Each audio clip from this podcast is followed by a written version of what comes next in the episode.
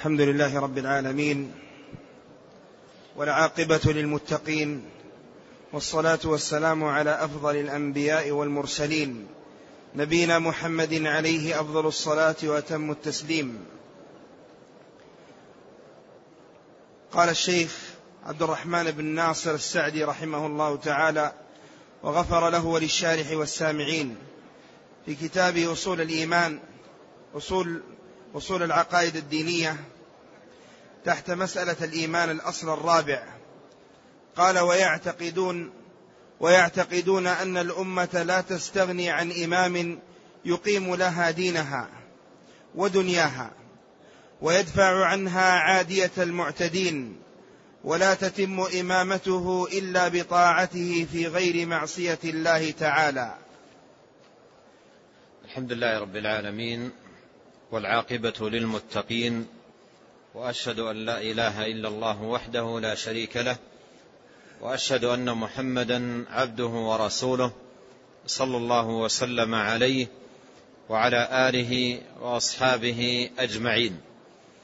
أما بعد قال المصنف رحمه الله تعالى ويعتقدون أي أهل السنة والجماعة يعتقدون أن الأمة لا تستغني عن إمام يقيم لها دينها ودنياها لأن أمر الناس لا ينتظم إلا باجتماع ولا اجتماع إلا بإمام ولا إمام إلا بسمع وطاعة. ولهذا جاءت الشريعة بالحث على لزوم الجماعة وبالاجتماع وأيضا جاءت الشريعة بالحث على لزوم السمع والطاعة لمن يلي أمر المسلمين. وذلك لأن أمر المسلمين لا يستقيم إلا بجماعة ولا تستقيم الجماعة إلا بإمام ولا تستقيم الإمامة إلا بسمع وطاعة. ولهذا جاءت الشريعة بذلك. وجاءت الأحاديث الكثيرة عن رسول الله صلى الله عليه وسلم في الحث على السمع والطاعة. عليكم بالسمع والطاعة في غير ما حديث عنه صلى الله عليه وسلم. وإن تأمر عليكم عبد عليكم بالسمع والطاعة. قال إنما الطاعة بالمعروف ولا طاعة لمخلوق في معصية الخالق. فجاء عنه صلوات الله وسلامه عليه أحاديث كثيرة في الحث على ذلك. وذلك لأن أمر المسلمين لا ينتظم إلا باجتماع والاجتماع لا يتم إلا بإمامة إلا بوجود إمام. وأمر الإمامة أيضا لا يفيد إلا إذا وجد سمع وطاعة من أفراد الناس. فبهذا يصلح أمر جماعة المسلمين وتنتظم مصالحهم وتتحقق لهم المصالح الدينية والدنيوية كما أشار إلى ذلك المصنف رحمه الله بقوله يقيم لها دينها. يقيم لها دينها أي ببناء المساجد وتهيئة المرافق الدينية المحتاج إليها وترتيب ذلك وتهيئته والعناية به وأمر دنياها أيضا بترتيب وتنظيم المصالح الدنيوية حتى لا يعم في الناس الفوضى ولا ينتشر فيهم الشر والفساد والعدوان. فأمور الدين والدنيا لا تقوم إلا بإمام. الإمام هو الذي يقيم الحدود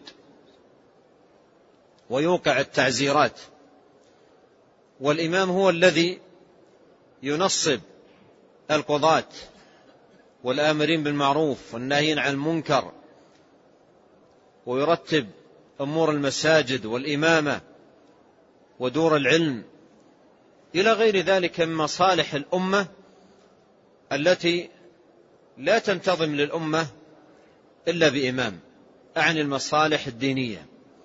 وكذلك مصالح الأمة الدنيوية. كذلك لا تنتظم إلا بوجود إمام. ولهذا جاءت الشريعة بذلك ووجود الإمام من الأمور المتعينة والمتأكدة لأن أمر المسلمين الديني والدنيوي لا يستقيم إلا بذلك. قال يقيم لها دينها ودنياها ويدفع عنها عادية المعتدين ويدفع عنها عادية المعتدين لأنهم بالإمام تجتمع كلمتهم وتقوى شوكتهم ويهابهم عدوهم بخلاف ما إذا كانوا فوضى شذر مذر متشرذمين متقطعين فإنهم يكونون فريسة للأعداء بينما إذا كانوا مجتمعين تحت إمام واحد. وتحت ولاية واحدة وكلمتهم واحدة ومنضوين تحت الإمام فإنه يكون لهم الشوكة والهيبة والقدرة على صد عدوان المعتدين. ولهذا جاء في الحديث عن النبي صلى الله عليه وسلم أنه قال إنما الإمام جنة إنما الإمام جنة لأن بوجود الإمام تتحقق هذه المصلحة ويتيسر هذا الأمر.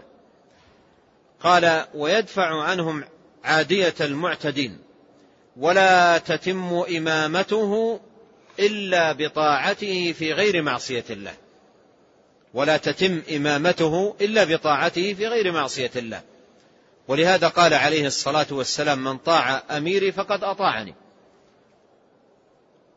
وجاء عنه عليه الصلاة والسلام أحاديث كثيرة في السمع والطاعة للأمير. قال اسمع وأطع وإن أخذ مالك وضرب ظهرك. قال اسمع وأطع وإن أخذ مالك وضرب ظهرك. وقال في الحديث الآخر إنما الطاعة بالمعروف لا طاعة لمخلوق في معصية الخالق.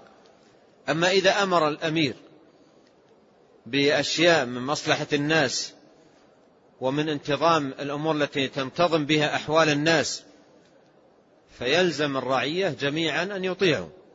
إلا إذا أمرهم بمعصية. إذا قال لا تصلوا لا يطيعونه إذا قال اشربوا الخمر لا يطيعونه إذا قال افعلوا الفواحش لا يطيعونه إذا دعاهم إلى أي شيء من المحرمات لا يطيعونه لا طاعة له. والله جل وعلا قال في القرآن يا أيها الذين آمنوا أطيعوا الله وأطيعوا الرسول وأولي الأمر منكم.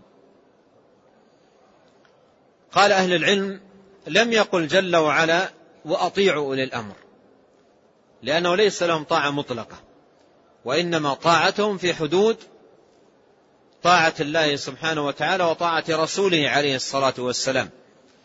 بمعنى أنهم لو أمروا بمعصية أو أمروا بمنكر فإنهم لا يطاعون. إنما الطاعة في المعروف لا طاعة لمخلوق في معصية الخالق.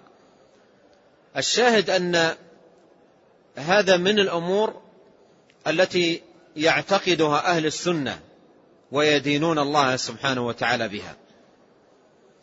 ولهذا أيها الإخوة يجب أن يفعل المسلم ذلك تدينا لا مصلحة وتقربا إلى الله سبحانه وتعالى وطلبا لثوابه. لا يفعل ذلك لمصلحة دنيوية ولا لمآرب شخصية. وإنما يفعل ذلك تقربا لله لأن الله سبحانه وتعالى أمر بذلك. أمر بالصلاة وأمر بالزكاة وأمر بالصيام وأمر بطاعة ولي الأمر.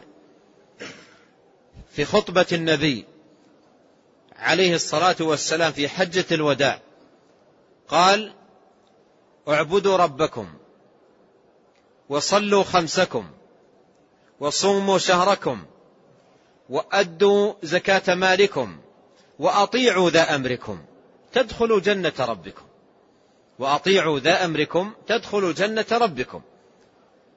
الذي أمرنا بالصلاة والصيام والزكاة هو الذي أمرنا بطاعة ولي الأمر. فنحن نطيع ولي الأمر طاعة لله.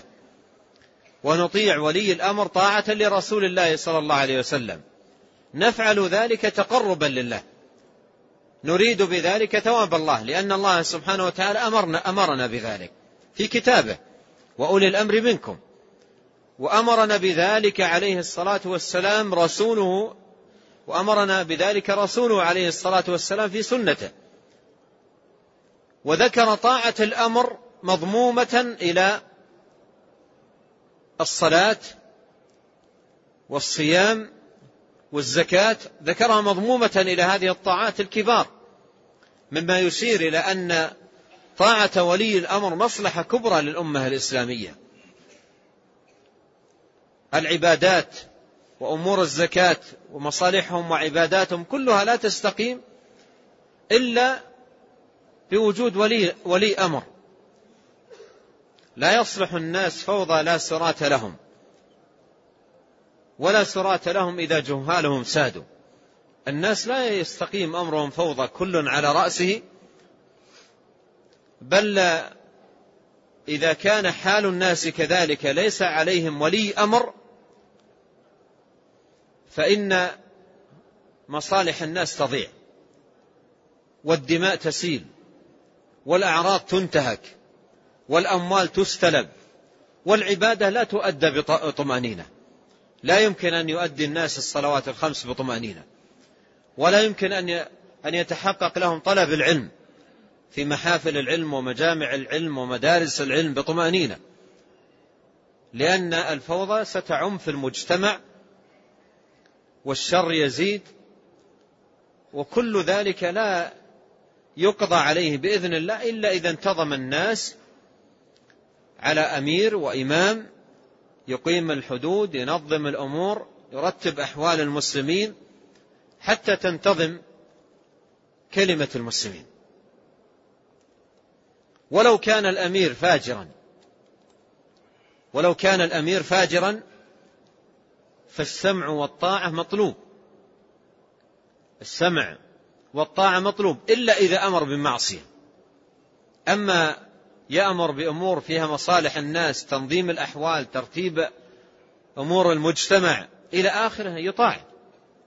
لأنه أصلا لا تستقيم ولا تنتظم مصالح الأمة إلا بذلك.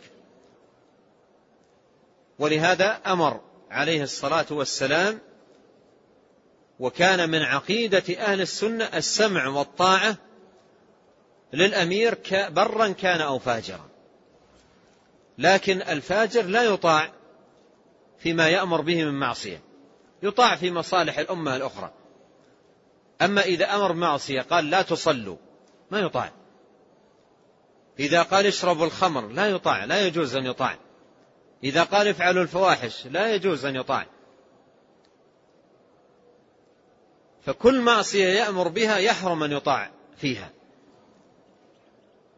لأن النبي عليه الصلاة والسلام قال إنما الطاعة بالمعروف ولا طاعة لمخلوق في معصية الخالق.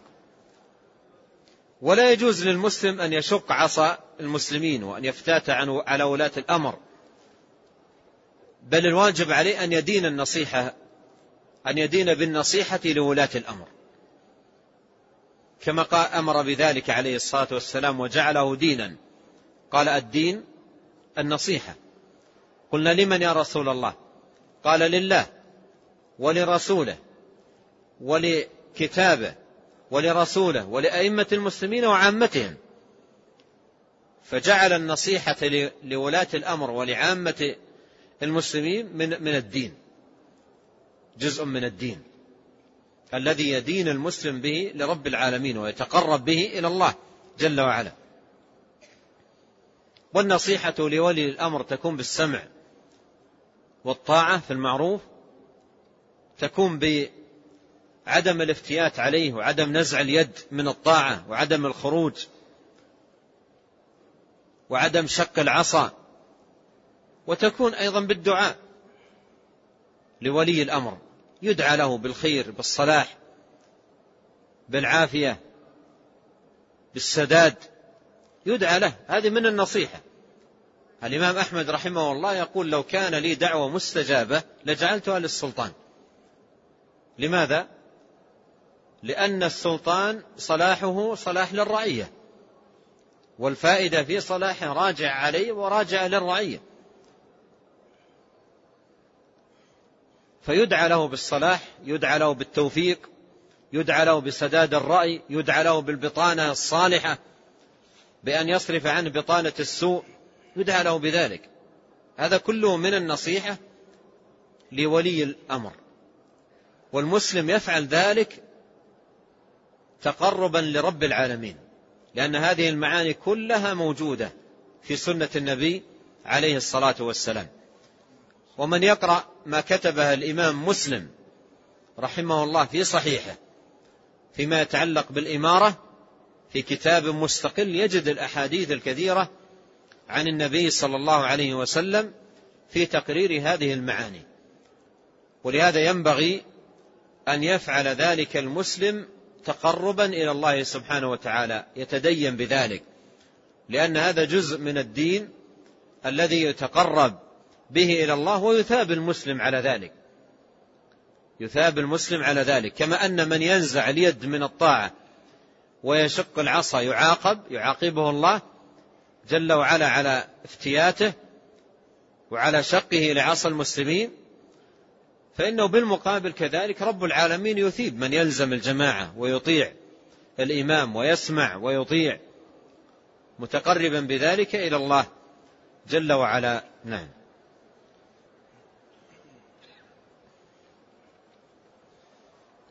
قال ويرون أنه لا يتم الإيمان إلا بالأمر بالمعروف والنهي عن المنكر باليد وإلا باللسان وإلا فبالقلب على حسب مراتبه الشرعية وطرقه المرعية. قال ويرون أي أهل السنة والجماعة أنه لا يتم الإيمان إلا بالأمر المعروف والنهي عن المنكر. لا يتم الإيمان إلا بالأمر بالمعروف والنهي عن المنكر لأن الأمر بالمعروف والنهي عن المنكر هو أساس في انتشار الخير في المجتمع المسلم وانحسار الشر. ويحتاج المجتمع إلى آمرين ناهين آمرين بالمعروف ناهين عن المنكر حتى ينتشر الخير في المجتمع وينحسر الشر وينحسر المنكر. قال الله تعالى كنتم خير أمة أخرجت للناس تأمرون بالمعروف وتنهون عن المنكر وتؤمنون بالله. فارتبط بخيرية الأمة أمرها بالمعروف ونهي عن المنكر. فأمرها بالمعروف ونهي عن المنكر جزء لا يتجزأ من خيريتها. وكلما قوي فيها الأمر المعروف والنهي عن المنكر قويت فيها الخيرية. المؤمنون والمؤمنات بعضهم أولياء بعض يأمرون بالمعروف وينهون عن المنكر. فالأمر المعروف والنهي عن المنكر أمر له أهميته العظمى ومكانته العليا في الدين. حتى إن بعض العلماء على سبيل الاهتمام والتأكيد على مكانة الأمر المعروف والنهي المنكر عده بعض أهل العلم ركنا سادسا من أركان الإسلام على سبيل الاهتمام به وإلا الصحيح أن أركان الإسلام خمسة.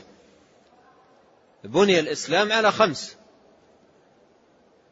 لكن على سبيل الاهتمام وأن الصلاة والعبادات وانكفاف الشر في المجتمع لا يتحقق إلا بوجود الأمر المعروف والنهي عن المنكر عده بعض أهل العلم ركنا سادسا.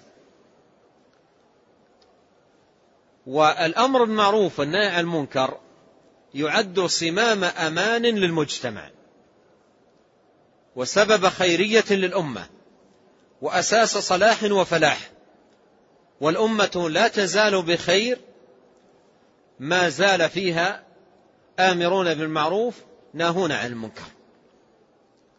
يا بني أقم الصلاة وأمر بالمعروف وانهى عن المنكر واصبر على ما أصابك. وهذا فيه من الفائدة أن الصغير من أبناء المسلمين ينبغي أن ينشأ صالحا مصلحا. آمرا بالمعروف ناهيا عن المنكر يتربى على ذلك من صغره. يا بني أقم الصلاة ولم يقل وما لك وما للآخرين قال يا بني أقم الصلاة وأمر المعروف وانهى عن المنكر.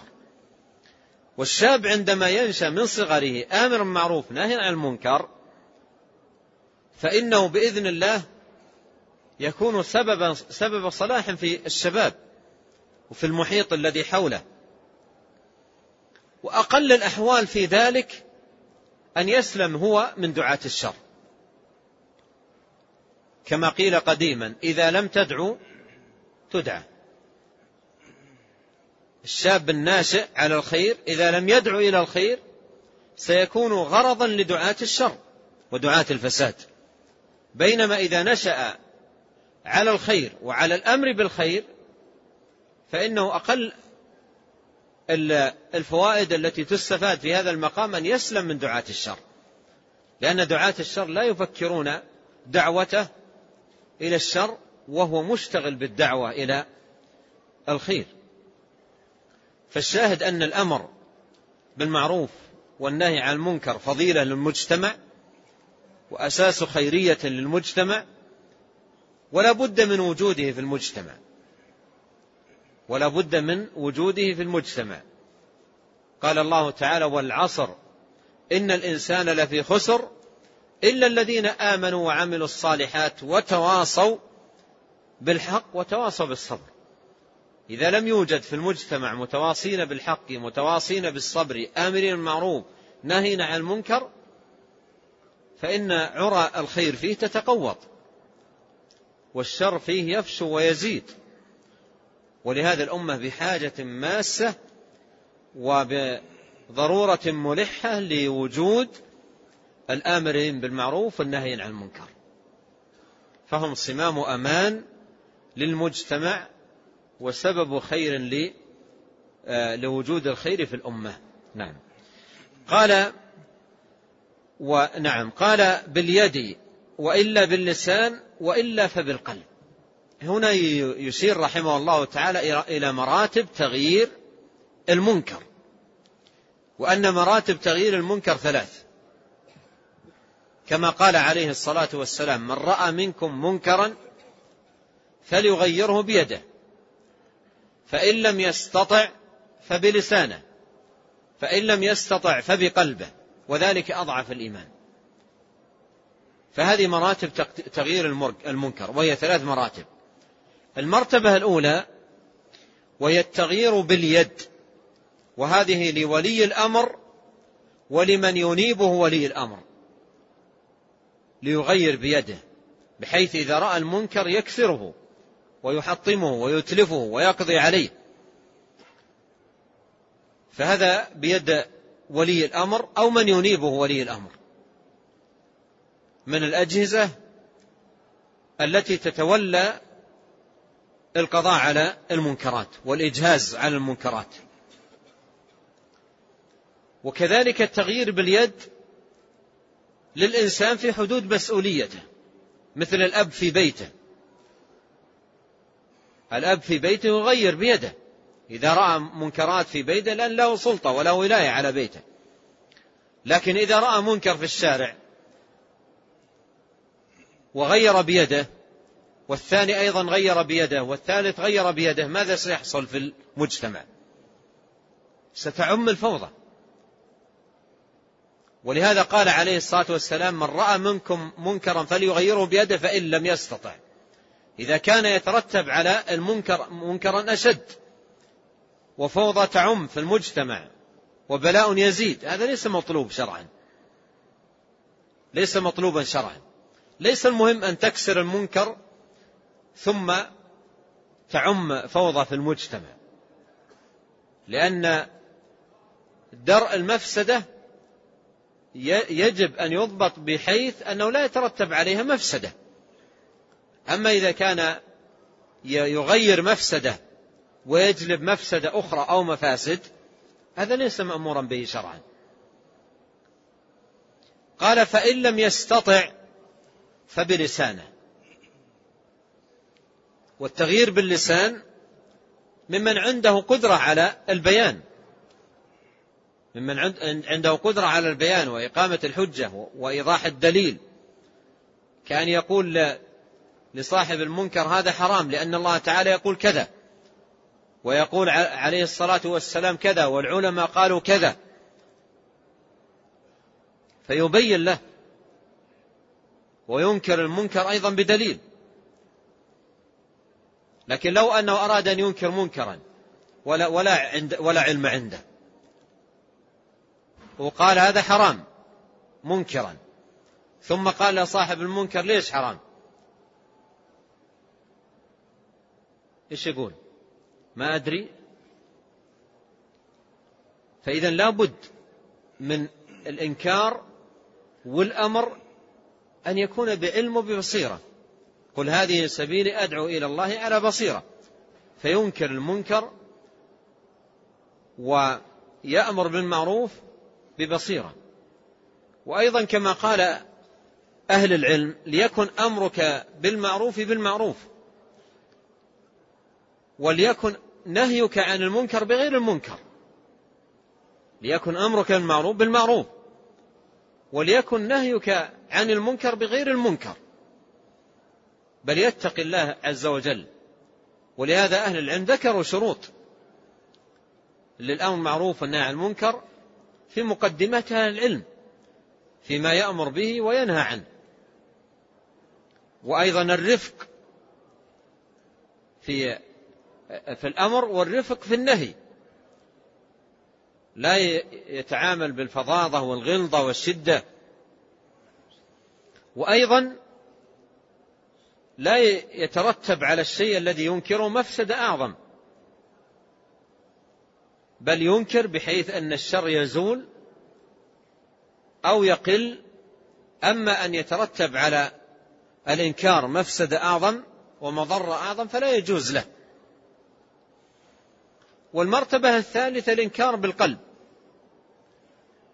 قال فبقلبه وذلك أضعف الإيمان. والإنكار بالقلب أن يكره المسلم المنكر وأن يكره وجوده وأن يبغض ذلك. وهذه أضعف درجات الإيمان.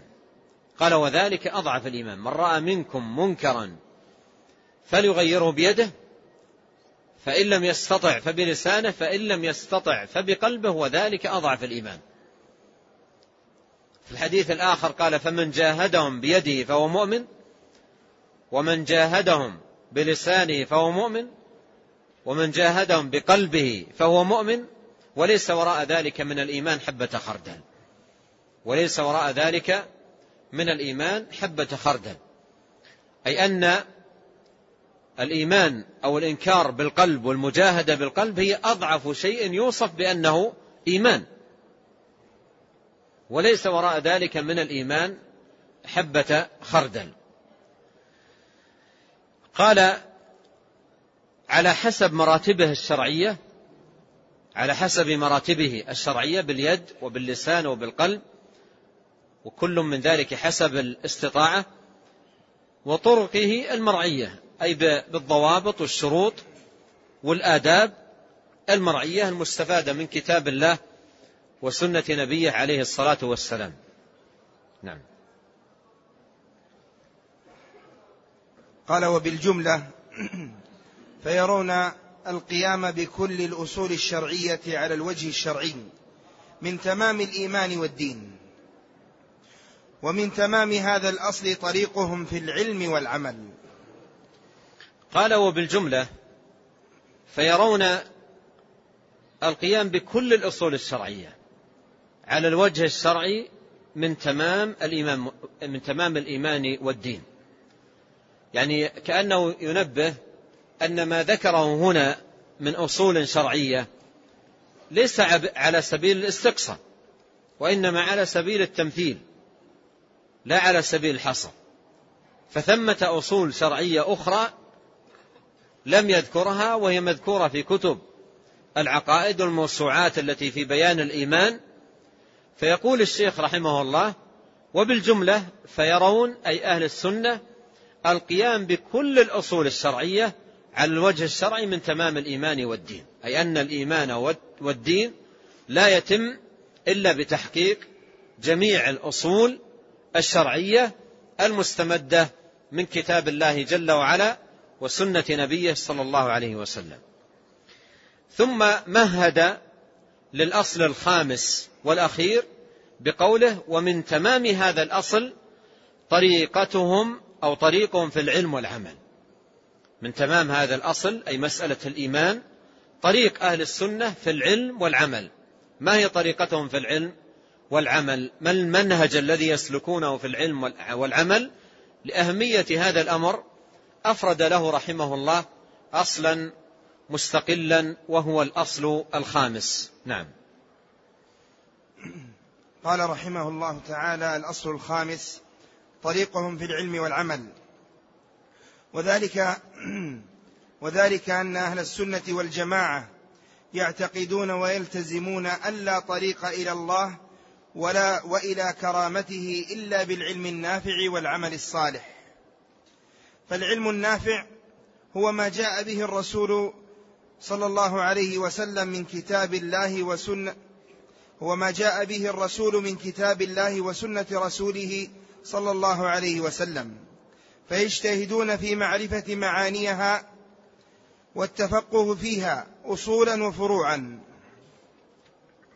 ويسلكون جميع طرق الدلالات فيها دلالة المطابقة ودلالة التضمن. ودلالة الالتزام. ويبذلون قواهم في إدراك ذلك بحسب ما أعطاهم الله ويعتقدون أن هذه هي العلوم النافعة. هي و هي وما تفرع عليها من أقيسة صحيحة ومناسبات حكمية. وكل علم أعان على ذلك أو وازره أو ترتب عليه فإنه علم شرعي. كما أن من ضاده وناقضه فهو علم باطل فهذا طريقهم في العلم. وأما طريقهم في العمل فإنهم يتقربون إلى الله تعالى بالتصديق والاعتراف التام بعقائد الإيمان التي هي أصل العبادات وأساسها. ثم يتقربون له بأداء فرائض الله المتعلقة بحقه وحقوق عباده مع الإكثار من النوافل وبترك المحرمات والمنهيات تعبدا لله تعالى. ويعلمون أن الله تعالى لا يقبل إلا كل عمل خالص لوجهه الكريم مسلوكا فيه طريق النبي الكريم صلى الله عليه وسلم. ويستعين ويستعينون بالله تعالى في سلوك هذه. ويستعينون بالله تعالى في سلوك هذه الطرق الطرق النافعة التي هي العلم النافع والعمل الصالح الموصل إلى كل خير وفلاح وسعادة عاجلة وآجلة. والحمد لله رب العالمين وصلى الله وسلم على محمد وعلى آله وصحبه وسلم تسليما كثيرا.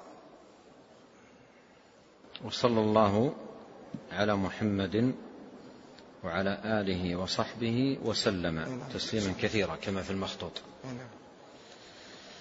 ثم قال رحمه الله الأصل الخامس طريقهم في العلم والعمل.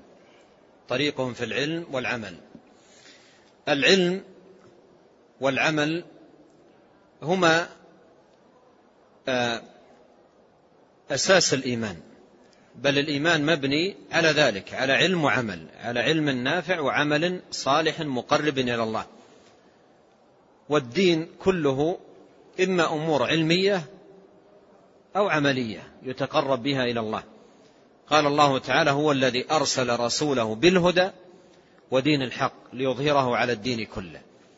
والهدى هو العلم النافع والدين الحق هو العمل الصالح المقرب إلى الله تبارك وتعالى. فما هي طريقة أهل السنة والجماعة في العلم والعمل؟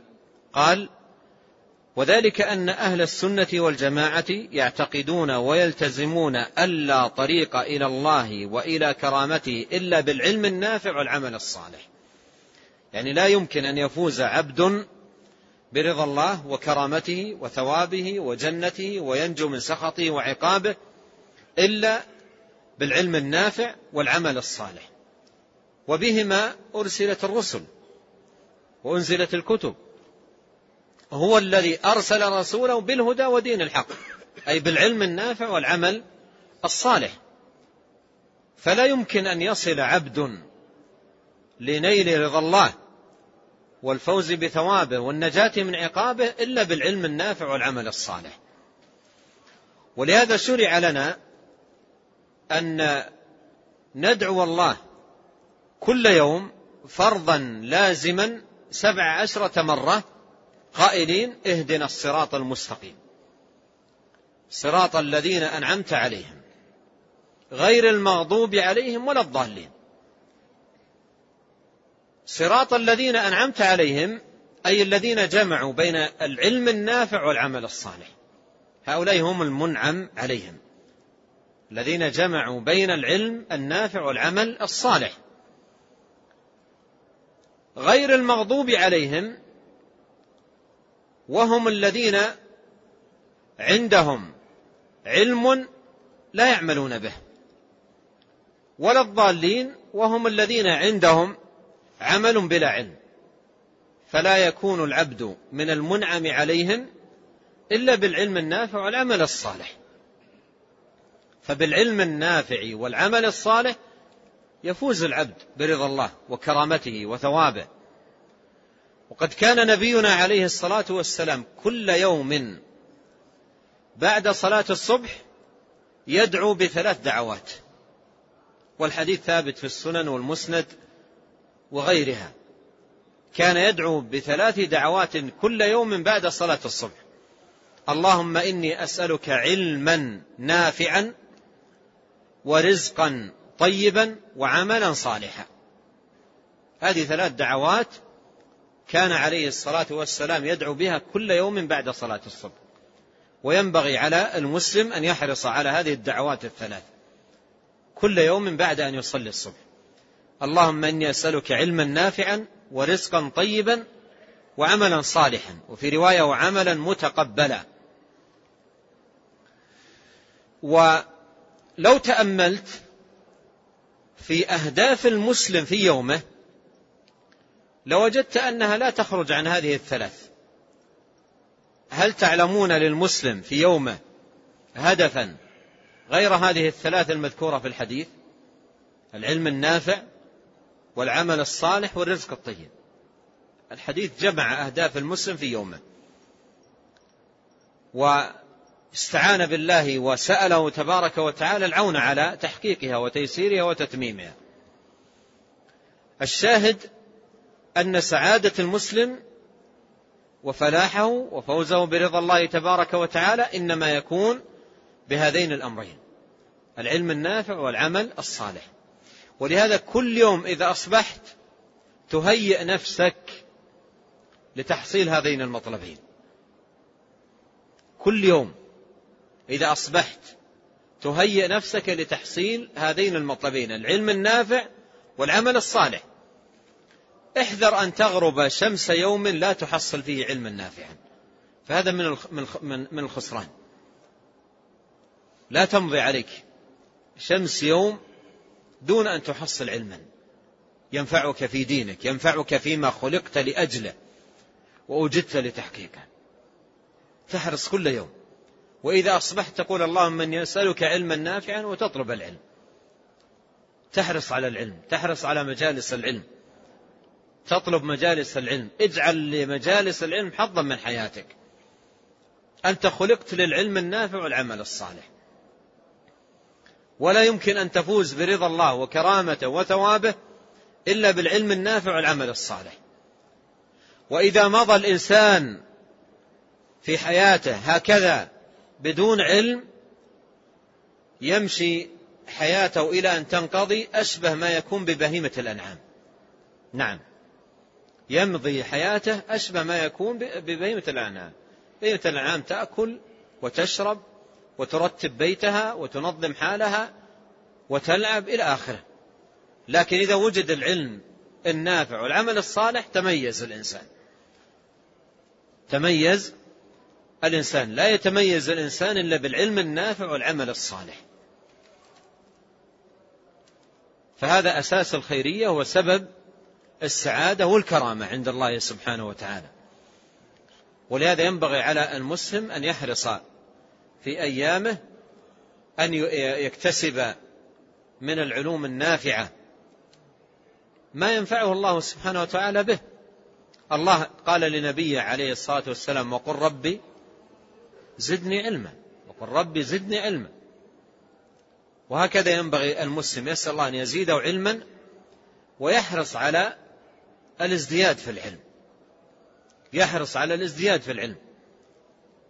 وينبغي إذا كانت نفسه انفلتت منه فترة من الزمان في اللهو والضياع ومجالس في الضياع أن يوقف نفسه. يقول يا نفسي إلى متى؟ إلى أن أموت؟ إلى أن ألقى الله سبحانه وتعالى وأنا على هذا الضياع المستمر إلى متى؟ يا نفس كفى ضياعا. كفى تفريطا. كفى إهمالا. يا نفس أنت على مقربة من ملاقاة الله على مقربة من الحساب. إلى متى هذه المجالس الضائعة؟ والأوقات الضائعة. فيحاسب نفسه ويبدأ بعزيمة ونشاط وبهمة عالية ورغبة أكيدة. وفي الدعاء المأثور عن نبينا عليه الصلاة والسلام اللهم أني أسألك العزيمة على الرشد والغنيمة من كل بر. فيحرص المسلم على ذلك ويعتني بذلك ويجتهد في التحصيل. يجتهد في التحصيل. والشيخ الآن سيعرض لنا المنهج الذي عليه أهل السنة في, في جانب العلم والمنهج الذي عليه أهل السنة في جانب العمل باختصار مفيد.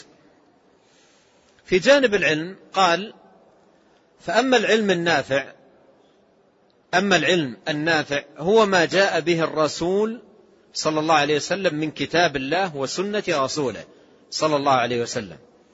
فيجتهدون أي أهل السنة في معرفة معانيها والتفقه فيها أصولا وفروعا. أي معاني القرآن ومعاني السنة ويتفقهون في, في, في ذلك أصولا وفروعا. لأن الدين أصول وفروع. أصول وهو العقائد وفروع وهي العبادات والأعمال. فيجتهد المسلم أن يتفقه في دينه. والعلماء رحمهم الله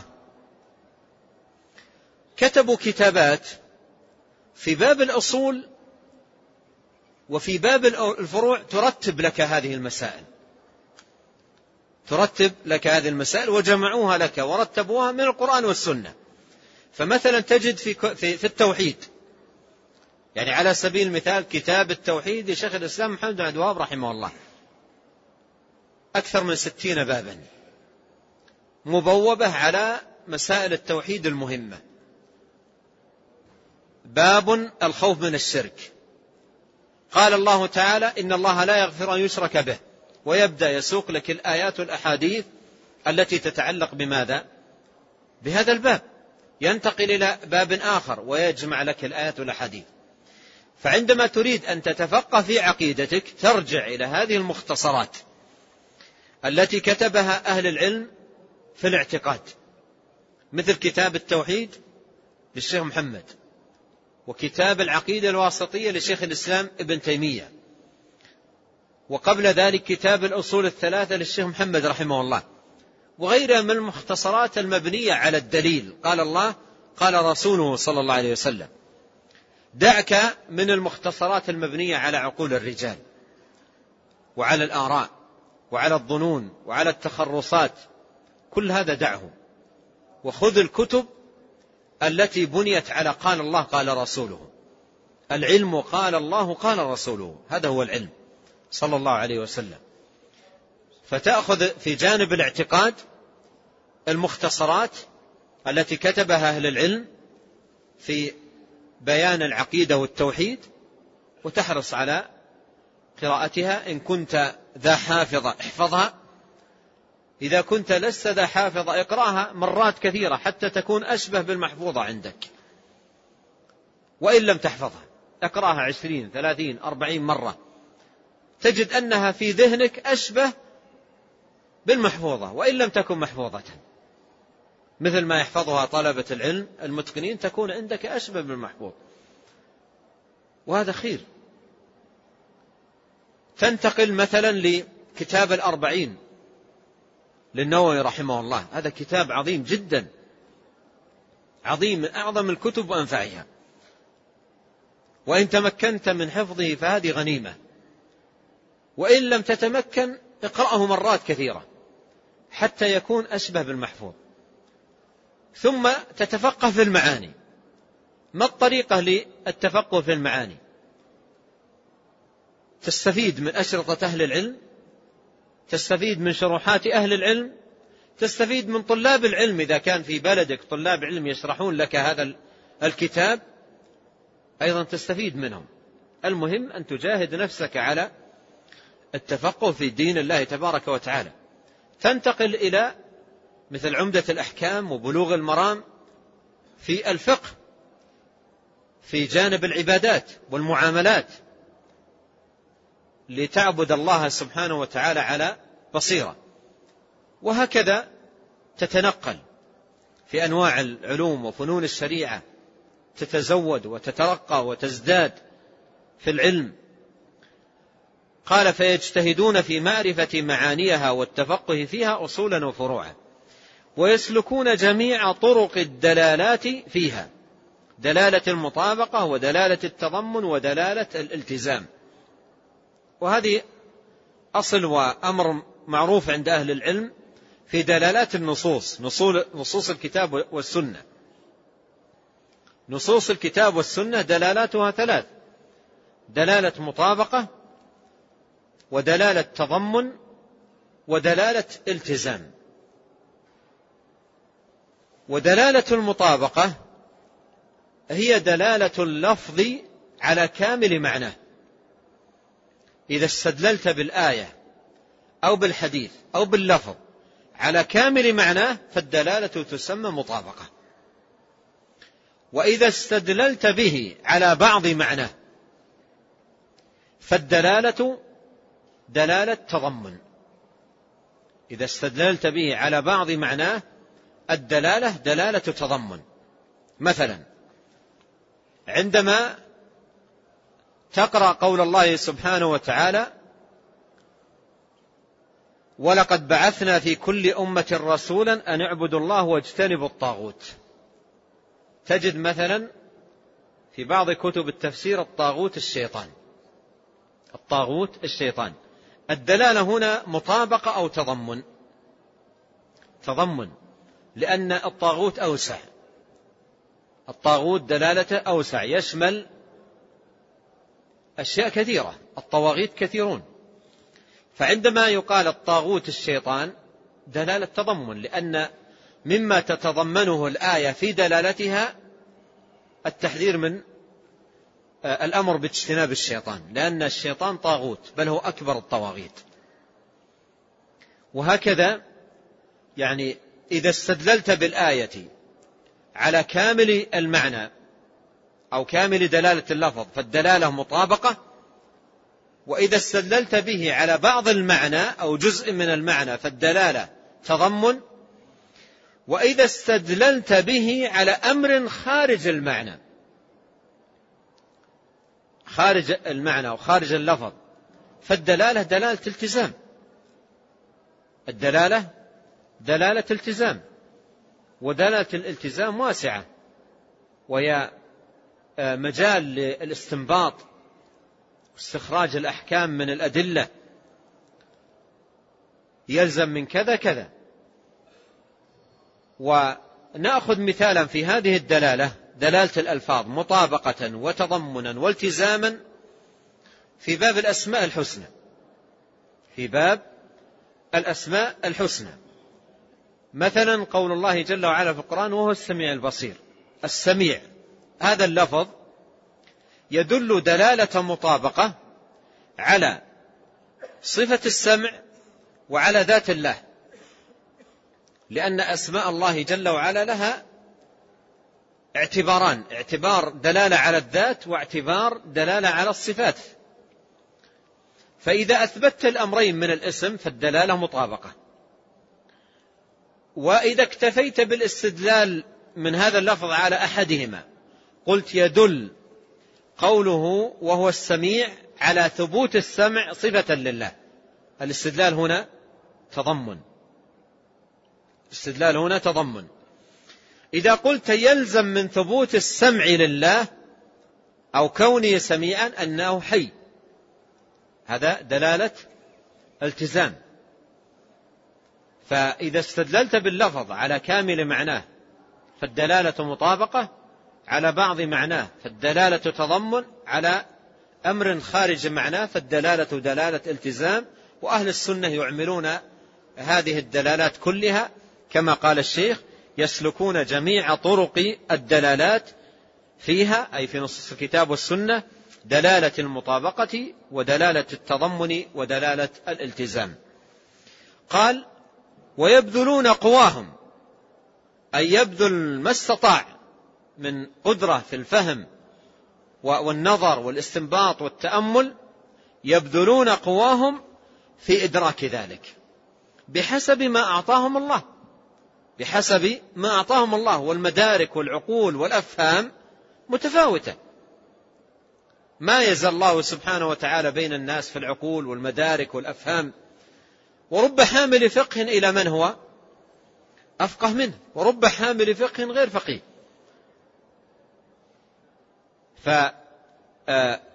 فيبذلون قواهم يعني يبذل ما استطاع في إدراك ذلك.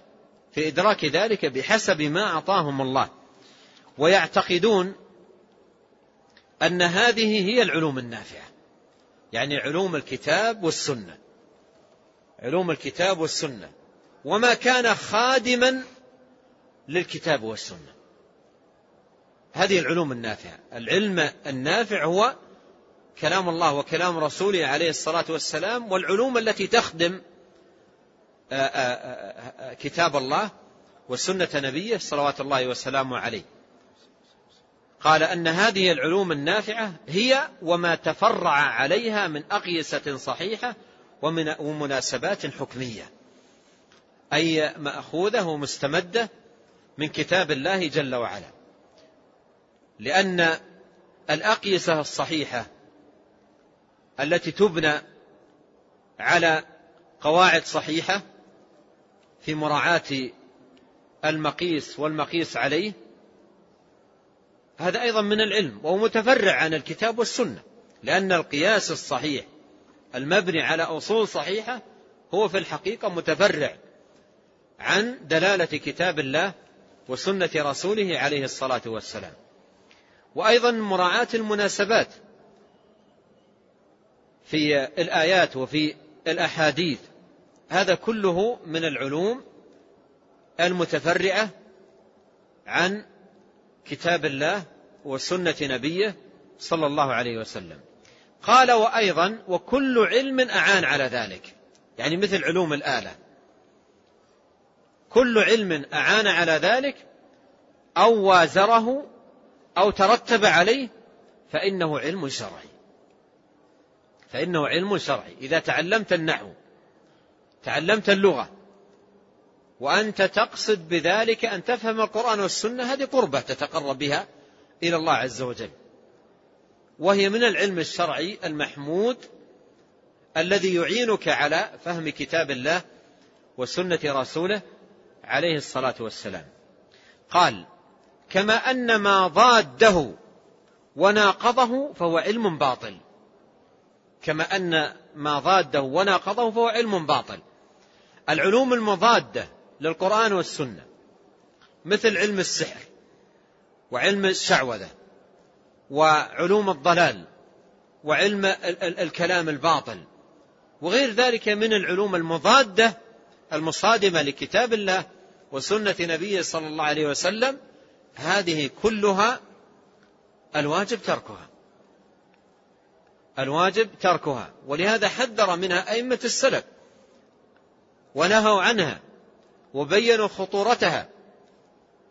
قال كما أن ما ضاده وناقضه فهو علم باطل أي يجب اجتنابه والحذر منه والبعد عنه. قال فهذا طريقهم في العلم. هذا طريق أهل السنة والجماعة في العلم. مرتبين بهذه الطريقة يسيرون في ضوء كتاب الله وسنة نبيه صلوات الله وسلامه عليه. ما هي طريقتهم في العمل؟ قال وأما طريقهم في العمل فإنهم يتقربون إلى الله تعالى بالتصديق والاعتراف التام بعقائد الإيمان.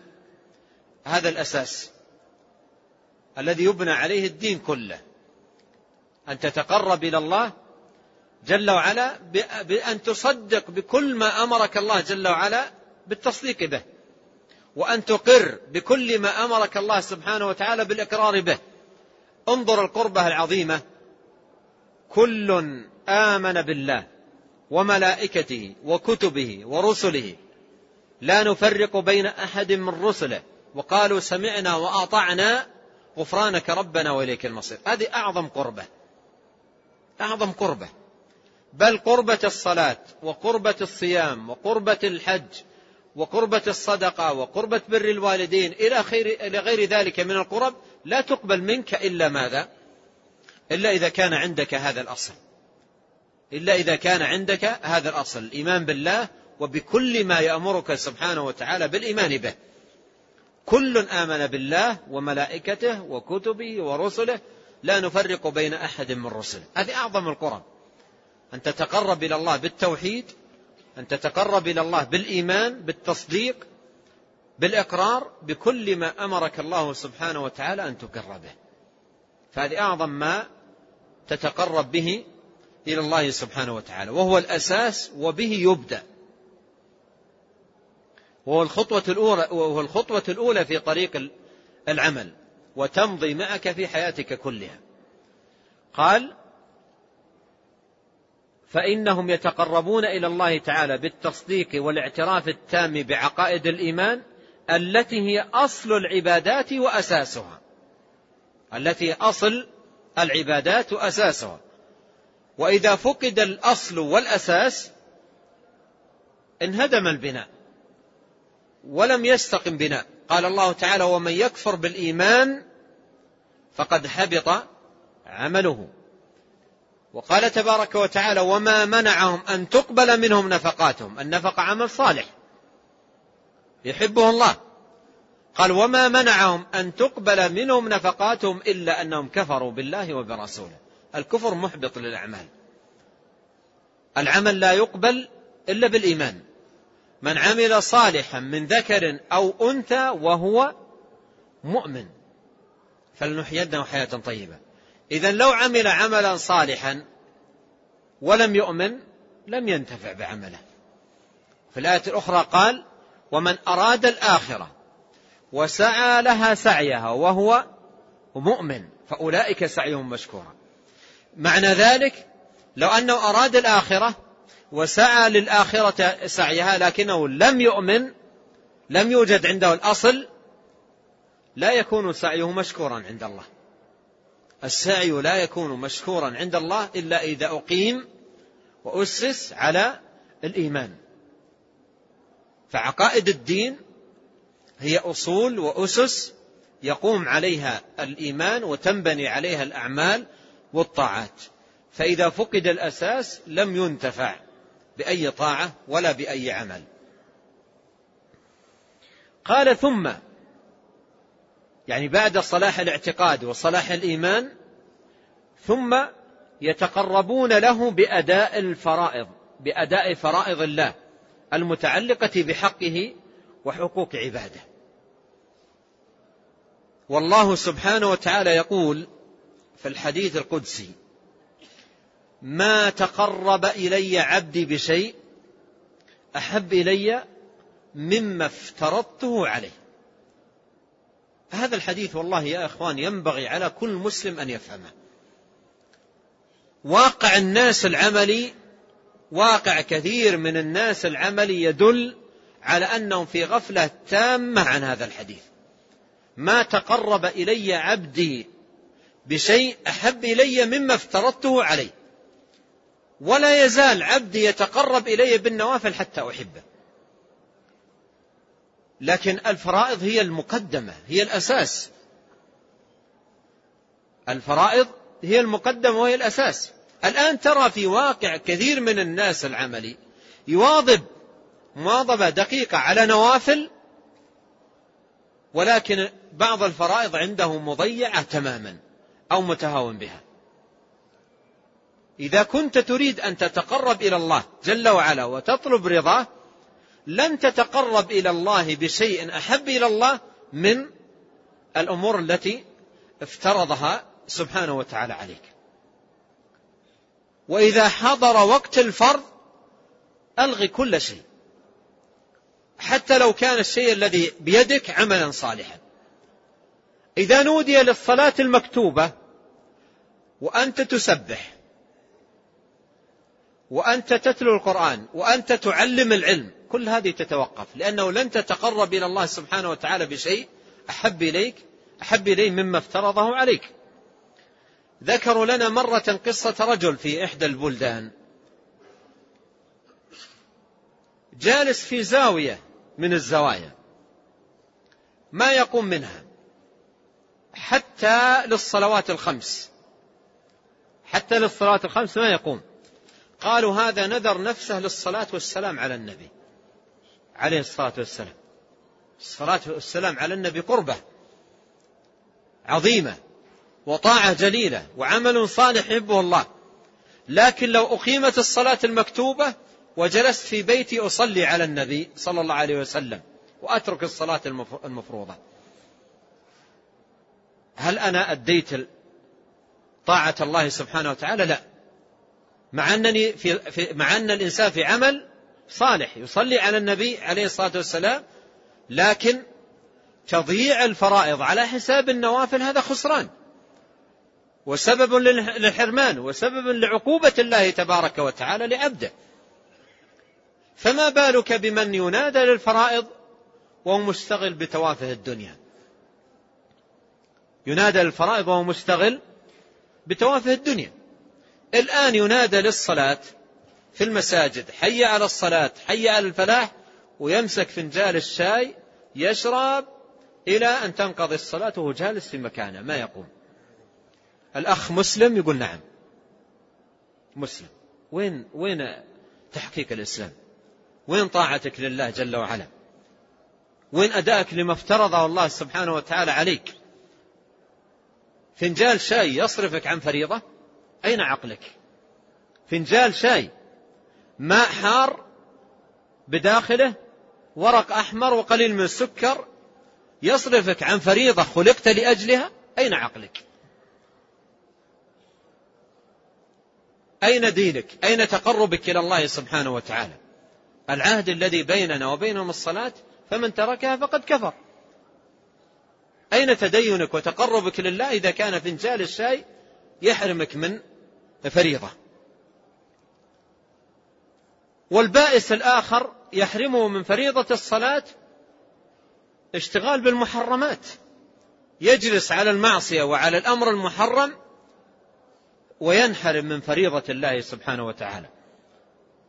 أين أين التدين؟ وأين صلاح العمل؟ وأين الصدق مع الله؟ وأين الاستعداد للآخرة وتزودوا إذا كان الإنسان يمضي هكذا في حياته ضائعا تائها سادرا. ولهذا هذا الحديث القدسي العظيم والله نحتاج إلى مراجعته مرات كثيرة حتى تصلح أحوالنا. ما تقرب إلي عبدي بشيء أحب إلي مما افترضته عليه. ولا يزال عبدي يتقرب إلي بالنوافل. النوافل يتقرب إلى الله سبحانه وتعالى بها بعد. الفرائض ليس على حساب الفرائض. وإذا ترك الإنسان النوافل لا يحاسبها الله يوم القيامة. لا يحاسبه. إذا كان مؤديا للفرائض مبتعدا عن المحرمات لا يحاسبه الله على ترك النوافل. لكنه يفوت أجرها ومنازلها الرفيعة والعالية في جنات النعيم. لكن لا يحاسبه الله عليها. لأن اسمها نوافل. اسمها مستحبات اسمها رغائب.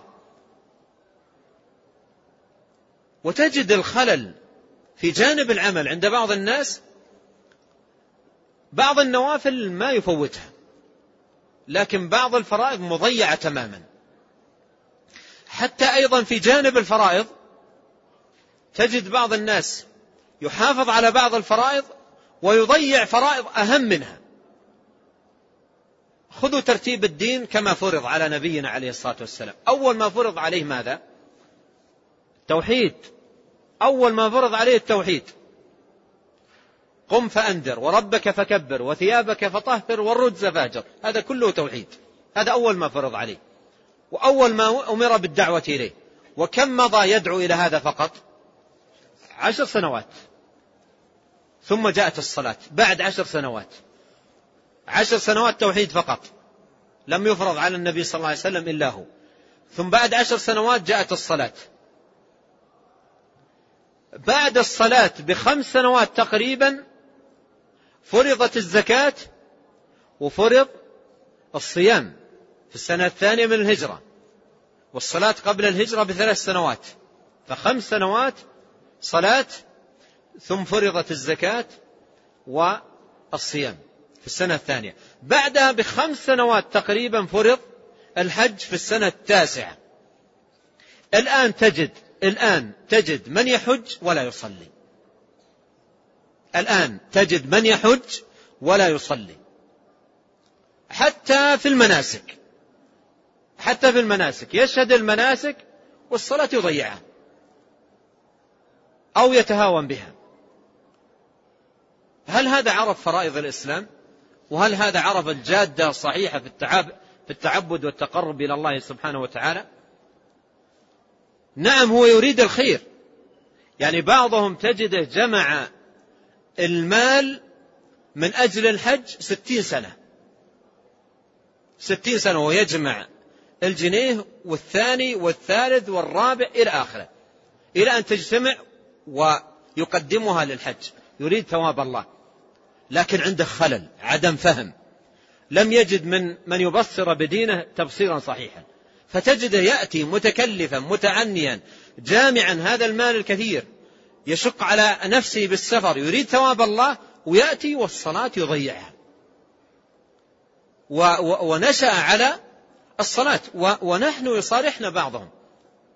يصارحنا بعضهم بالخلل الذي عاش عليه في حياته مضيعا لفريضة الإسلام الصلاة.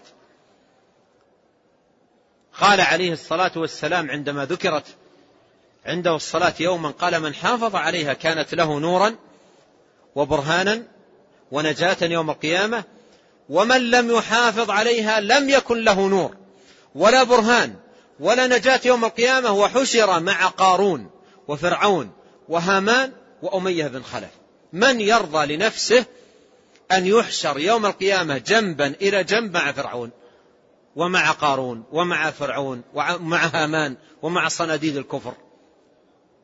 الذي يتهاون بالصلاة ويضيع الصلاة اختار لنفسه شاء أم أبى أن يكون جنبا إلى جنب مع فرعون ومع صناديد الكفر. لا حظ في الإسلام لمن ضيع الصلاة. لا حظ في الإسلام لمن ضيع الصلاة. ولهذا عندما يعرف الإنسان طريقة أهل السنة والجماعة طريقة الصحيحة في العلم يعرف كيف يعمل. الآن تجد أناس عنده جانب العمل مثلا الصلاة محافظ عليها لكن التوحيد خرمه. الصلاة محافظ عليها يصلي الصلاة في أوقاتها لكن التوحيد خرمه. الصلاة بدون توحيد ما تقبل. تجد يصلي لله يسجد ويركع لله. سبحان ربي الأعلى سبحان ربي العظيم يؤدي الصلاة كاملة. بعد ما ينتهي من الصلاة مدد يا فلان أدركني يا فلان إن لم تلحقني يا فلان من, من, من يدركني؟ إلى آخره. هل هؤلاء فهموا العمل؟ هل فهموا الجادة؟ هل, هل تبصروا في العبادة والتقرب إلى الله سبحانه وتعالى؟ ولهذا معرفة معرفة الجادة والبصيرة في الدين والسير على جادة سوية وطريق مستقيم تسعد والله. أعرابي جاء إلى النبي عليه الصلاة والسلام وطلب من النبي صلى الله عليه وسلم أن يعلمه فرائض الإسلام أن يعلمه الدين. قال عليه الصلاة والسلام تشهد أن لا إله إلا الله. وأن محمد رسول الله وتقيم الصلاة وتؤتي الزكاة وتصوم رمضان وتحج البيت إن استطعت على ذلك سبيلا؟ فمسك الرجل هكذا بيده. خمس هذه. مسك بيده. فقال والله لا أزيد على ذلك ولا أنقص. قال دخل الجنة إن صدق. مسكها بيده. امسكها بيدك أنت. أما إنسان يضيع الصلاة ويوم القيامة يريد أن ينجو. يضيع الفريضة ويريد أن ينجو. وتجده محب للخير يتصدق وينفق أخلاقه فاضلة معاملاته طيبة إلى آخره. لكن فريضة ضايعة. ترجو النجاة ولم تسلك مسالكها. انظر الذي عرف. مسك بيده. مسكها بيده. قال والله ما أزيد عليها ولا أنقص. قال أفلح إن صدق. دخل الجنة إن صدق. فالإنسان الفرائض هذه يضبطها. أعظم فريضة التوحيد ثم الصلاة. انتبه أن تضيع منك صلاتك. انتبه. الصلوات هي خمس. خمس صلوات كتبها الله عليك في اليوم والليلة. ولا تأخذ منك وقتا. وهي عون لك على الخير على الراحة على السعادة. على زوال المشكلات استعينوا بالصبر والصلاة. كان عليه الصلاة والسلام يقول جعلت قرة عيني في الصلاة. يقول حبب إلي من دنياكم الطيب والنساء وجعلت قرة عيني في الصلاة. حبب إلي من دنياكم الطيب والنساء. يحب عليه الصلاة والسلام ذلك. وجعلت قرة عيني في الصلاة. وكان يقول لبلال أرحنا بالصلاة. والآن حال بعض الناس أرحنا من الصلاة. حال بعض الناس أرحنا من الصلاة. وإذا جيء وطولب بالصلاة صل يا فلان. غضب. وزمجر. كيف يريد هذا أن ي... كيف يريد هذا أن يفوز برضا الله سبحانه وتعالى؟ كيف يريد أن يلقى الله سبحانه وتعالى ومضيع لهذه الفريضة؟ ولهذا يحتاج الإنسان إلى أن يفهم الأمر وبنعمة, وبنعمة الله سبحانه وتعالى ومني وفضل الدين يسر. تطبق الدين ما يأخذ منك جهدا وتسعد في الدنيا والآخرة. يقول عليه الصلاة والسلام بعثت بالحنيفية السمحة ويقول عليه الصلاة والسلام إن هذا الدين يسر فالحمد لله. ما جعل عليكم في الدين من حرج. فيجب على المسلم أن يمشي على جادة سوية في طاعته لله وعمله وفيما يتقرب به إلى الله. انظر الترتيب عند الشيخ رحمه الله. أسطر قليلة لكنها حوت علما عظيما وترتيبا مباركا. قال فإنهم يتقربون إلى الله تعالى بالتصديق والاعتراف التام بعقائد الإيمان. التي أصل العبادات وأساسه هذه النقطة الأولى الركيزة. بعدها ماذا؟ قال ثم يتقربون إليه بأداء فرائض, فرائض الله. بأداء فرائض الله. المتعلقة بحقه وحقوق عباده. الله افترض عليك فرائض تتعلق بحقه هو سبحانه وافترض عليك فرائض تتعلق بحقوق العباد. أيضا تقوم بهذه الفرائض. التي افترض الله عليك في حقه هو وأيضا حقوق عباده. مثلا بر الوالدين هذا حق. صلة الأرحام حق. وغير ذلك من الحقوق التي أمر الله سبحانه وتعالى عباده بها. قال مع الإكثار من النوافل. مع الإكثار من النوافل. احرص على النوافل. نوافل الصيام نوافل الصلاة نوافل الصدقات نوافل الحج والاعتمار. الحج لا يجب عليك في عمرك كله إلا مرة واحدة. العمرة لا تجب عليك في عمرك إلا مرة واحدة. الحج مرة فمن, زاد فهو تطوع. فالإنسان يحرص أيضا على النوافل وباب الأفضل في النوافل الأوفق للسنة. الأوفق للسنة في الوقت الذي تريد أن تتنفل فيه. يعني أريد أعطيك مثالا ليتضح لك الأمر. أذن المؤذن وبيدك المصحف. قراءة المصحف نافلة تتقرب بها إلى الله. نافلة تتقرب بها إلى الله. وسماع الأذان والترداد مع المؤذن نافلة أيضا تتقرب بها إلى الله جل وعلا. لكن أي النافلتين أفضل في هذا في هذا الوقت؟ أي النافلتين أفضل؟ مع أن تلاوة القرآن أفضل الذكر. تلاوة القرآن أفضل الذكر. لكن إذا أذن المؤذن الأفضل أن توقف التلاوة وتسمع المؤذن.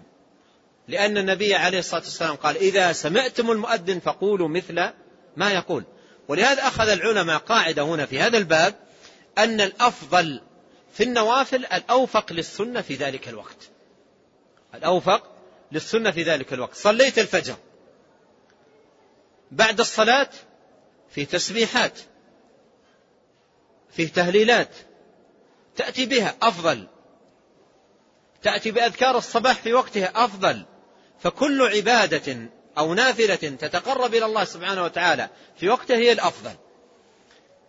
فالأفضل في كل وقت الأوفق للسنة في ذلك الوقت. هذه قاعدة. الأفضل في كل وقت الأوفق للسنة في ذلك الوقت. فيحرص الإنسان على النوافل والإكثار منها وأيضا قال وبترك المحرمات والمنهيات تعبدا لله. انتبه لكلمة تعبدا لله. ترك المحرمات والمنهيات تعبدا لله لأن الإنسان إذا ترك تعبدا وتدينا صارت في جملة عمله الصالح. لكن لو, لو أن إنسانا ترك المنكر قال مثلا أنا لا أريد أن أشرب خمر لأني أريد أن أحافظ على صحتي. أو قال مثلا أنا لا أريد أن أزني لأن الزنا الآن صاير فيه أمراض وأنا ما أبغى أمراض. لا. تجنب المحرمات تدينا تعبدا. تعبد الله.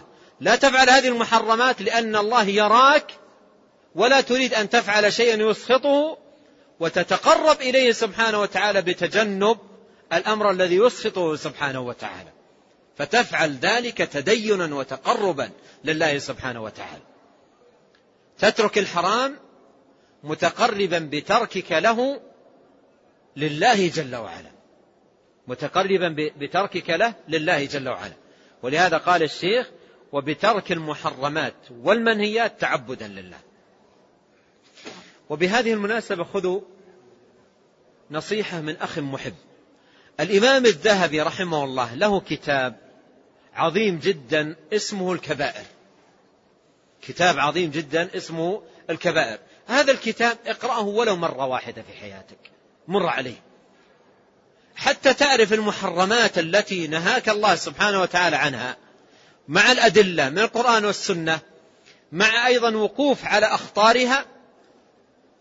وعندما تقرأ هذا الكتاب تدين لله متقربا إليه بترك جميع تلك الكبائر والمحرمات. اقرأ هذا الكتاب بنية التقرب إلى الله سبحانه وتعالى بترك كل هذه المحرمات وجميع هذه الآثام التي نهى الله سبحانه وتعالى عباده عنها. وإذا كان الإنسان لا يعرف المحرمات كيف يتقيها؟ كيف يتقي من لا يدري ما يتقي؟ ولهذا مر على هذا الكتاب. وإذا قرأته حث إخوانك على قراءته. حث إخوانك على قراءته. وتعاون على نشر الخير الذي في الكتاب. لا بد أن يعرف الناس المحرمات مع دلائل تحريمها مع أخطارها الدينية والدنيوية حتى يجتنبوها. الآن فيه تكاتف من دعاة الشر ودعاة الفساد في نشر الفساد في المجتمعات المسلمة من خلال قنوات ومجالات كثيرة. فلماذا أنت لا تنشط في نشر الخير؟ لماذا لا تنشط؟ خذ كتاب الكبائر للذهبي واقرأه وأقرئه إخوانك. هذا باب خير في النهي عن المنكرات. والله باب مبارك جدا. اقرأ هذا الكتاب على نفسك وعلى أولادك وعلى جيرانك واذهب إلى إمام المسجد في حي قل جزاك الله خير. اقرأ على جماعة المسجد. وحرك.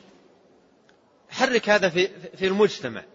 تجد الناس تبدأ بإذن الله عز وجل تكف عن المحرمات وعن المنكرات بمعرفة هذه الأدلة والحجج والبراهين من كتاب الله وسنة نبيه صلى الله عليه وسلم. في كتاب الكبائر أحاديث صحيحة لو وقف عليها كثير ممن يفعلون تلك المنكرات الأقلع عنها فورا. لكن ما وجدوا من يدلهم على تلك الأحاديث. فكنت فكن أنت الشخص الذي تسعى في ذلك. والله في أحاديث لو وقف عليها كثير ممن يتعاطون تلك المنكرات لو أقلعوا عنها فورا. وفعلا حصل ذلك. فورا يقلع. وبعضهم يقول سبحان الله أول مرة أسمع ذلك. مباشرة يقلع. كن أنت الذي تدلهم على هذا الخير.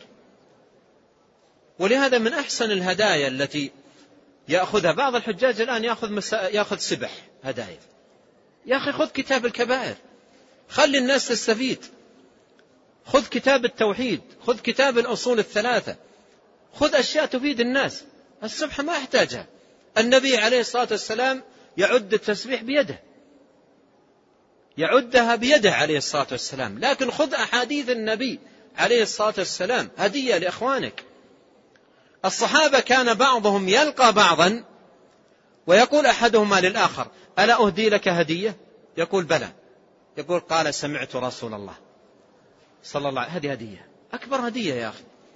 والله أكبر هدية تهديها لإخوانك في البلاد هذه الكتب.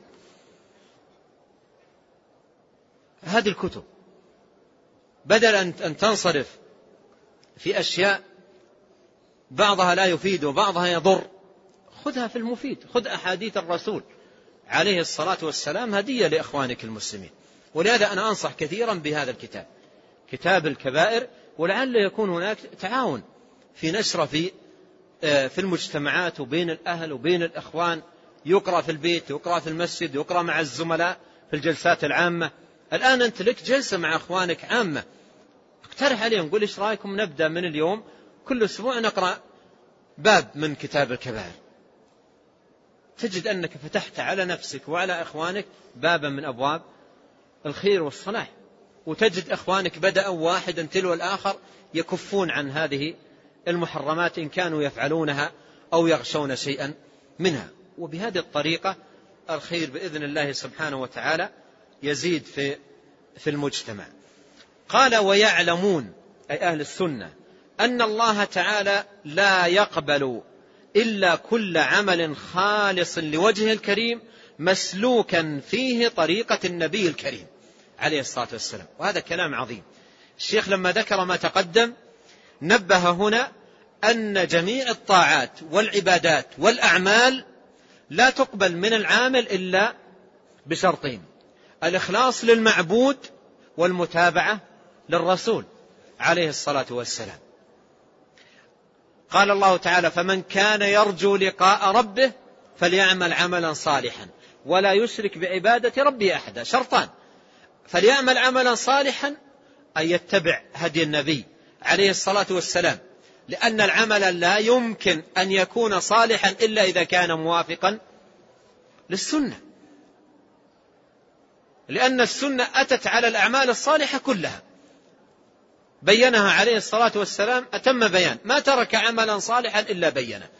فمن جاء بعمل يزعم أنه صالح وهو ليس في السنة فماذا حكمكم عليه؟ من جاء بعمل يزعم أنه صالح ولا وجود له في القرآن والسنة.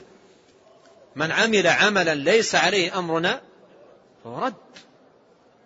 حتى وإن استحسنه صاحبه. حتى وإن رآه حسنا. ولهذا قال الإمام مالك رحمه الله من زعم في الدين أو من قال في الدين بدعة حسنة فقد زعم أن محمدا صلى الله عليه وسلم خان الرسالة. لأن الله يقول اليوم أكملت لكم دينكم وأتممت عليكم نعمتي ورضيت لكم الإسلام دينا. قال فما لم يكن دينا زمن محمد صلى الله عليه وسلم وأصحابه فلن يكون اليوم دينا ولن يكون دينا إلى أن تقوم الساعة. العمل لا يقبل إلا بشرطين أن يكون لله تبارك وتعالى خالصا وما أمروا إلا ليعبدوا الله مخلصين له الدين. وأن يكون للسنة موافقا وما آتاكم الرسول فخذوه وما نهاكم عنه فانتهوا. فإن كان العمل ليس خالصا لم يقبله الله من عمل عملا ليس عليه أمرنا فرد إذا كان العمل ليس خالصا لم يقبله الله قال الله تعالى أنا أغنى الشركاء عن الشرك. من عمل عملا أشرك معي فيه غير تركته وشركه. وإذا كان العمل ليس على السنة فهو مردود. لقوله عليه الصلاة والسلام من عمل عملا ليس عليه أمرنا فهو رد. ولهذا يحرص المسلم في أعماله كلها على الإخلاص للمعبود والمتابعة للرسول. وفي هذا المعنى يقول الفضيل بن عياض في قوله تعالى ليبلوكم أيكم أحسن عملا قال أخلصه وأصوبه قيل يا أبا علي وما أخلصه وأصوبه قال إن العمل إذا كان خالصا ولم يكن صوابا لم يقبل. وإذا كان صوابا ولم يكن خالصا لم يقبل. حتى يكون خالصا صوابا. والخالص ما كان لله والصواب ما كان على السنة. قال ويستعينون بالله تعالى في سلوك هذه الطرق النافعة. ويستعينون بالله في سلوك هذه الطرق النافعة. الآن أنت سمعت هذا الخير الذي بين الشيخ رحمه الله. وسمعت قبله أيضا خيرا كثيرا. لكن كل خير تسمعه ويعجبك وترغب في فعله لا يمكن أن تقوم به إلا إذا أعانك الله. لا يمكن أن تقوم به إلا إذا أعانك الله. يا معاذ يقول عليه الصلاة والسلام إني أحبك. فلا تدعن دبر كل صلاة أن تقول اللهم أعني على ذكرك وشكرك وحسن عبادتك. والله جل وعلا يقول إياك نعبد وإياك نستعين. العبادة غاية والاستعانة وسيلة. ما يمكن تحصل لك الغاية التي هي العبادة إلا بالاستعانة بالله تبارك وتعالى. ولهذا دائما وأبدا أطلب العون من الله جل وعلا. إذا خرجت من بيتك لأي مصلحة دينية ودنيوية قل بسم الله توكلت على الله لا حول ولا قوة إلا بالله. هذه كلمة استعانة. إذا نادى المنادي حي على الصلاة حي على الفلاح قل لا حول ولا قوة إلا بالله. هذه كلمة استعانة. اطلب العون من الله جل وعلا. قال ويستعينون بالله تعالى في سلوك هذه الطرق النافعة التي هي العلم النافع والعمل الصالح.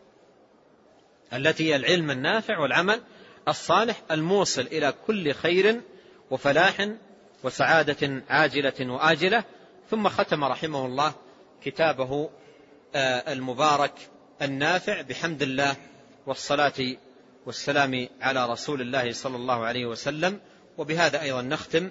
حامدين لله حمدا كثيرا طيبا مباركا فيه على نعمه الكثيرة وآلائه الوفيرة ونحمده سبحانه وتعالى على نعمة الإسلام ونعمة الإيمان ونعمة القرآن ونعمة السنة ونعمة التوفيق لكل خير ونسأله جل وعلا أن يوزعنا جميعا شكر نعمه وأن يوفقنا لاستعمالها في طاعته وما يقرب إليه وأن يرزقنا جميعا الإخلاص في الأعمال والأقوال والنيات وأن يرزقنا جميعا حسن الاتباع والاقتداء لرسولنا الكريم عليه الصلاة والسلام وأن يعيذنا جميعا من الشرك والبدع وأن يعيذنا من منكرات الأهواء والأخلاق والأدواء وأن يصلح لنا شأننا كله.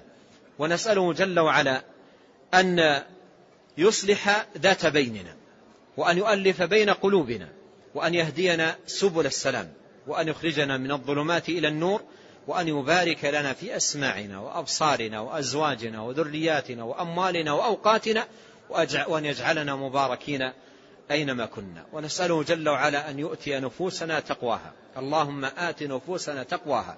زكها أنت خير من زكاها أنت وليها ومولاها. اللهم صل على محمد وعلى آل محمد كما صليت على إبراهيم وعلى آل إبراهيم إنك حميد مجيد.